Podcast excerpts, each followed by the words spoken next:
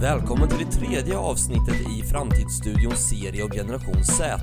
Idag får vi veta mer om den unga generationen på arbetsplatsen och som medborgare.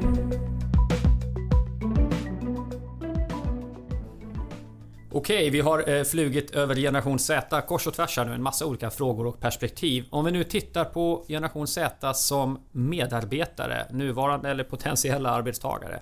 Vad kan vi säga då? Ja, jag skulle vilja komma tillbaka till det här om att generation X ville vara loners, för de förändringar vi har sett tror jag, det är att generation X ville vara loners, de ville vara frilansare, de ville vara ingen ska hålla nere mig. Generation Y var lite mer att jag vill fortfarande vara fri men jag vill gärna ha en publik, jag vill gärna få lite uppmärksamhet och de ville att chefen skulle vara lyhörd och uppmuntrande. Och generation Z då, om man tänker den här hypotesen att det går mer mot en familjeperspektiv, så blir det mer att chefen ska vara duktig människokännare. Blir väldigt viktig för dem, ska vara förstående, ska kunna känna som att den är någon jag kan relatera till och lita på och i allra bästa fall så bjuder man ju in lite sina medarbetare eller sina kollegor i den här intima familjesfären och så känner mm. man att vi är väldigt bra kompisar allihopa. Tycker man är jättetryggt och trevligt. Mm. Um, och därav också att man blir mindre förlåtande för en chef som beter sig fel också för då känns det personligt på ett annat sätt. Om, om chefen beter sig illa mot mig då är inte det bara liksom en arbetslivsfråga utan då, är, då har jag blivit, personligen blivit kränkt som vi återkommer till. Just det. Ja, det vet jag. Vi har ju siffror som å ena sidan visar att arbete som meningsskapare har ju tappat för alla generationer ja. under lång tid. Att folk tycker liksom att fritid, eh, intressen och familj och, släkt och vänner så att säga. Det är våra meningsskapare primärt och för, för arbetet har tappat. Mm. Samtidigt hade vi en siffra då en väldigt stor andel av de unga eh, tyckte att eh, arbetet är en del av min identitet. Ja. Och det tycker jag är intressant. Där, liksom, å ena sidan kanske man tycker att det ger lite mindre av livets helhet och att identifikation eller vad som, vad som bär upp mitt livs mening. Så att säga. Men det är desto viktigare att, att det är rätt värderingar. För att mitt jobb är ett uttryck för vem ja. jag är i väldigt hög grad. Och jag skulle säga att det finns ett väldigt enkelt universellt svar på det där och det är att det som motiverar människor att skapa en identitet, det är andra människor. Och anledningen till att arbetslivet har gått ner i värde, det är ju att går man tillbaka 50-60 år, vilka är du kompis med? Ja, det är de andra på fabriken. Mm. Det är liksom de, de, du är kollega med. Och man jobbar på samma ställe ganska lång tid, så man, man känner liksom Gurra och Bära är mina bästa kompisar, för de jobbar jag tillsammans med.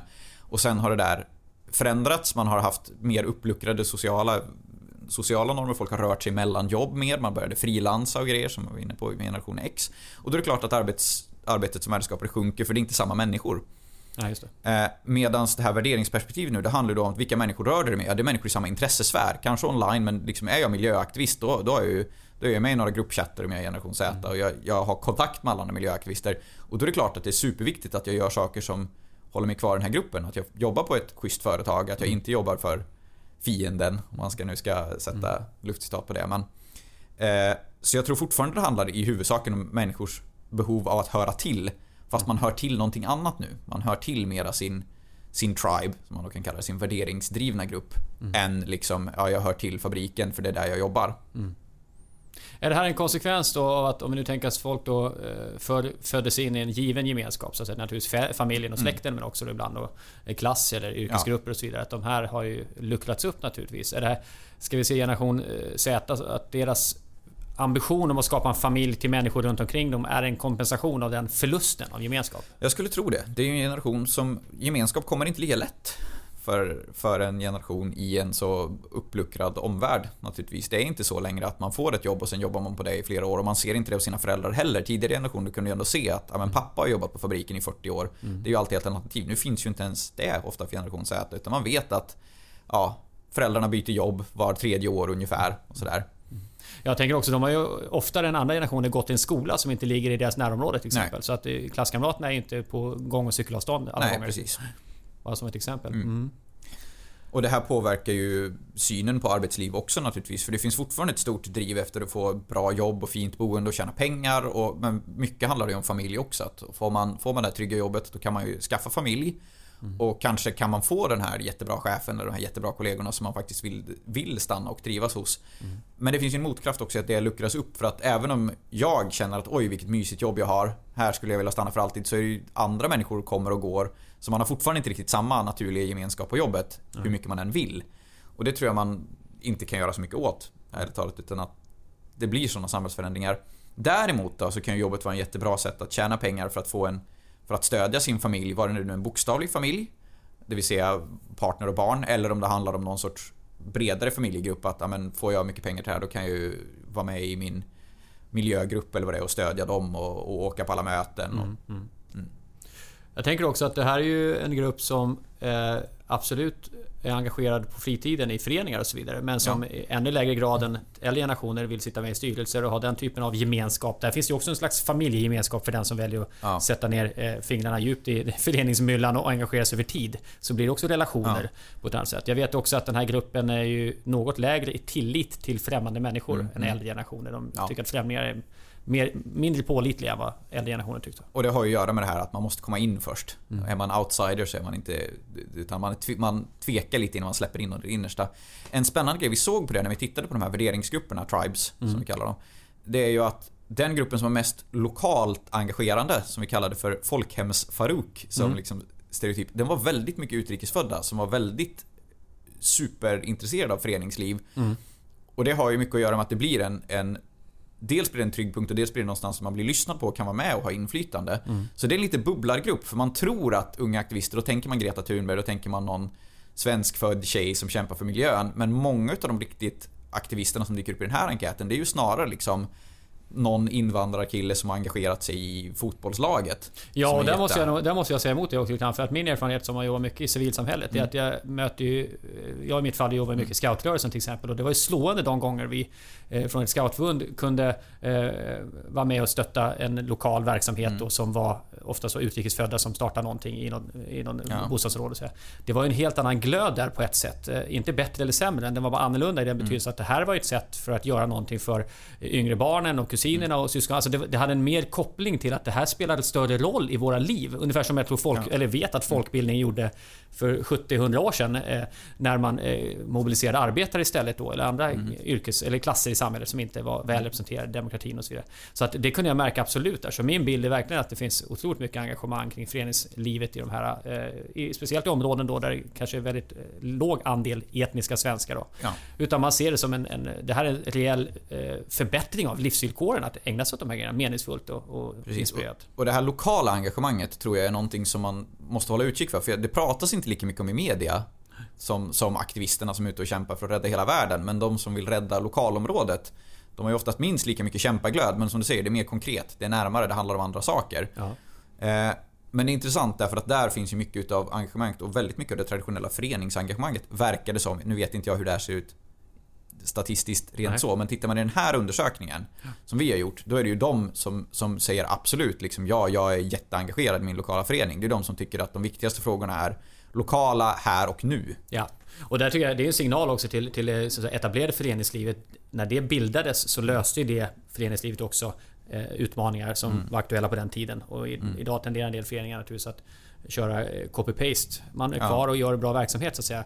Men det är inte lika akut och aktuellt. De nya föreningarna som startas löser de problem som är nu. Ja, Och därför är det ju naturligtvis superviktigt att de, att de eh, fungerar. Och Precis. Och den här pragmatismen tror jag kommer igen både i föreningslivet och i arbetslivet. Att det är en generation som väldigt gärna vill nu. Jag vill vara med och göra här, nu.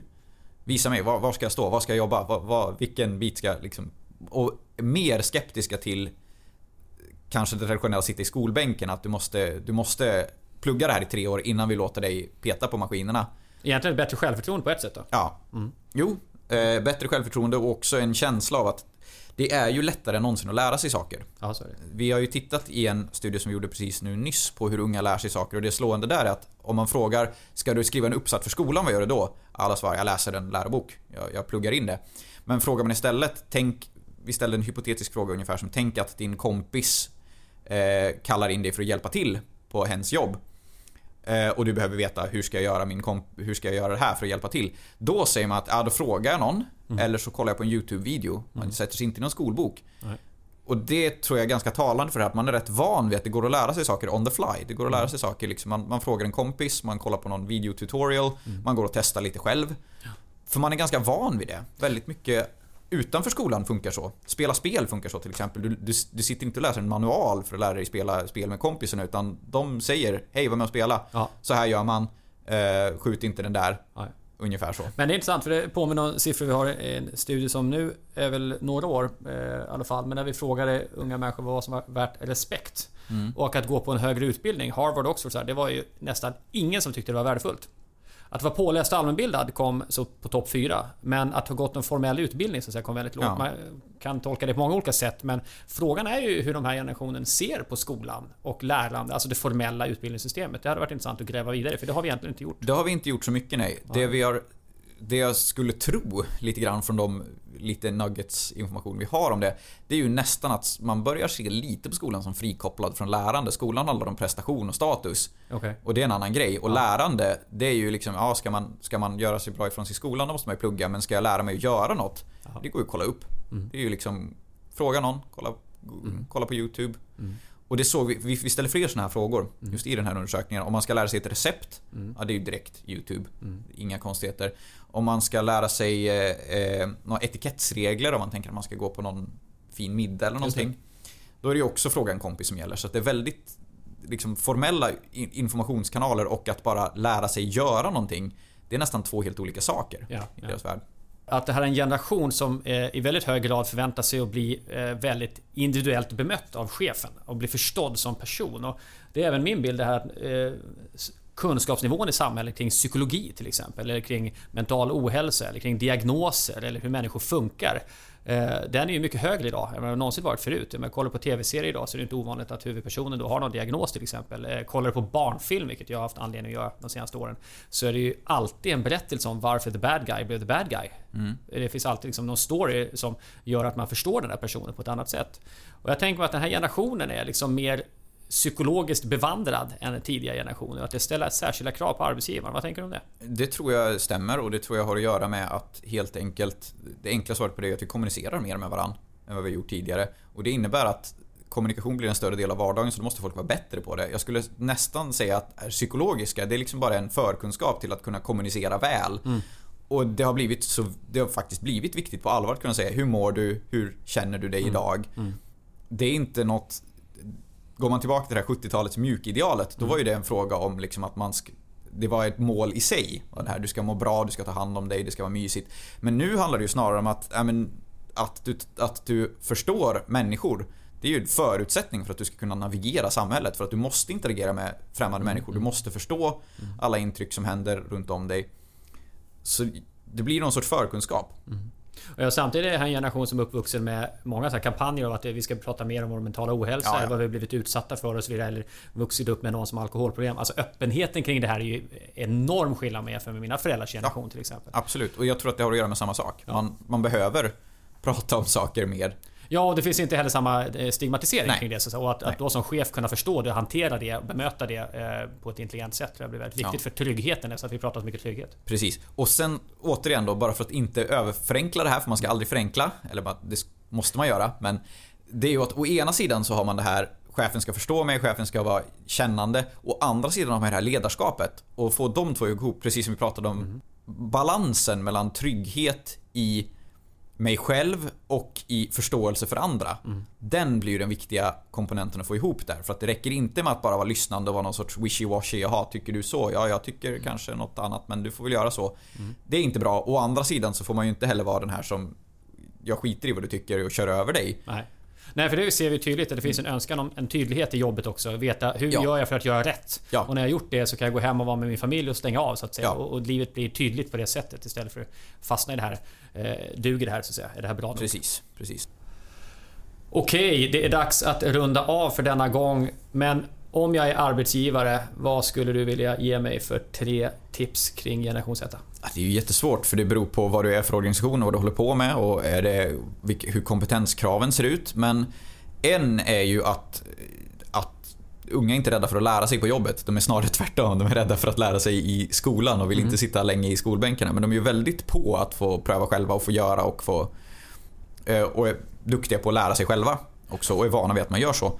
Och där kan vi lägga till att vi har ju siffror också som visar att de som trivs bra på jobbet upplever också ofta att de lär sig ja. mycket. Medan de som inte trivs på jobbet, de lär sig inte så mycket på jobbet. Nej. Eh, och det är ju en annan syn på lärande som är ganska genomgående och som jag tror att eh, ja, man kommer behöva hantera ganska snart. För att många lärosäten är nog inte riktigt med på att unga är vana att lära sig på andra sätt. Eh, det andra man ska hålla i åtanke det var ju det som vi var inne på med ledarskapet. Att ledarskap är jätteviktigt. Man måste vara tydlig med så här ska vi göra. Och det gäller oavsett om det handlar om politiken eller jobbet. Det, det, det bör finnas en tydlig känsla av rätt och fel som då samtidigt måste kombineras med det här att du måste ändå lyssna in. Du kan inte bara köra över folk och säga gör så här annars får du sparken såklart. Ja, just det. Men Men lämnar de inte frågande vad, vad du tycker och menar? Utan visa vad du tycker och menar. Visa vad du tycker, ja. det. Ja, precis. Precis. Snarare än att fråga först vad tycker du så skulle man kunna säga att så här ska vi göra. Är du med på det? Ja, nej. Okej, kom det ett nej? Okej, varför då? Okej, jag hör dig. Men nu gör vi så här. Lite mera tydlighet ut, utan att för den saken skulle inte lyssna men åtminstone förklara varför man gör som man gör. Eh, så det är väl tips nummer två.